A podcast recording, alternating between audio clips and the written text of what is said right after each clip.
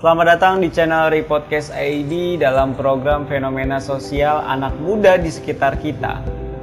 Dalam program ini kita akan ngebahas sedikit fenomena mengenai Indonesia dengan netizen yang barbar. Bersama saya Dimas Apimadian, mari kita ngebahas fenomena ini. Kemarin Microsoft merilis sebuah riset yang menunjukkan bahwa netizen Indonesia adalah netizen yang paling tidak sopan se-Asia Tenggara. Seperti yang telah diberitakan kompas.com, ada tiga faktor yang mempengaruhi resiko kesopanan netizen di Indonesia. Yang pertama, paling tinggi adalah hoax dan penipuan. Kemudian faktor ujaran kebencian dan yang terakhir adalah diskriminasi. Pengamat psikososial dan budaya Endang Mariani menjelaskan bahwa kebarbaran itu bisa terjadi karena pertama, ketidakpastian informasi. Apalagi selama pandemi COVID-19 ini kita mendapati banjir informasi baik dari orang dekat maupun dari media mainstream. Kedua, kesulitan ekonomi. Di mana media online dipakai untuk melakukan kegiatan penipuan. Yang ketiga, respon pak respon rasa frustasi maksud saya. Yaitu para netizen menumpahkan stres mereka di media sosial. Kita bisa meyakini bahwa di dunia nyata orang Indonesia adalah orang yang sopan ramah religius empati dan rendah hati. Bahkan Indonesia terkenal sebagai negara yang paling sopan di dunia. Namun di dunia maya para netizen bisa menggunakan identitas yang lain. Dengan akun anonim ini, netizen tidak sengaja menyebarkan hoax, melakukan penipuan, dan menumpahkan rasa frustasi. Teman-teman, janganlah membuat akun anonim dengan tujuan untuk melakukan tindakan yang tidak terpuji. UU ITE akan menjerat kita apabila kita melakukan tindakan yang bersifat negatif.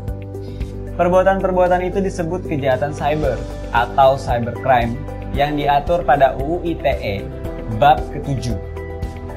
Seperti perbuatan asusila, perjudian, penghinaan, dan pemerasan yang diatur dalam pasal 27 penyebaran berita bohong dan menyesatkan, berita kebencian dan permusuhan yang diatur dalam pasal 28 memberi ancaman kekerasan dan menakut-nakuti yang diatur dalam pasal 29, kegiatan akses komputer pihak lain tanpa izin atau tracking yang diatur dalam pasal 30, usaha penyadapan, perubahan, dan penghilangan informasi yang diatur dalam pasal 31, pemindahan perusakan dan membuka informasi rahasia yang diatur dalam pasal 32, penyebaran virus yang bertujuan membuat sistem tidak bekerja yang diatur dalam pasal 33 menjadikan seolah dokumen otentik yang diatur dalam pasal 35. Sehingga teman-teman harus menyadari bahwa tetap ada aturan di internet.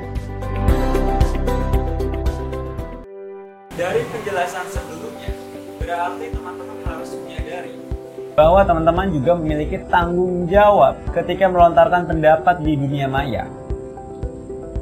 Tanggung jawab ini bukan hanya karena adanya UU ITE yang mengatur teman-teman, tapi tanggung jawab secara moral. Bayangkan, karena teman-teman menforward informasi yang salah, akhirnya terjadi perpecahan serta konflik yang memecah bangsanya sendiri. Tentu, hal itu tidak boleh terjadi selama sang merah putih masih tegak berdiri.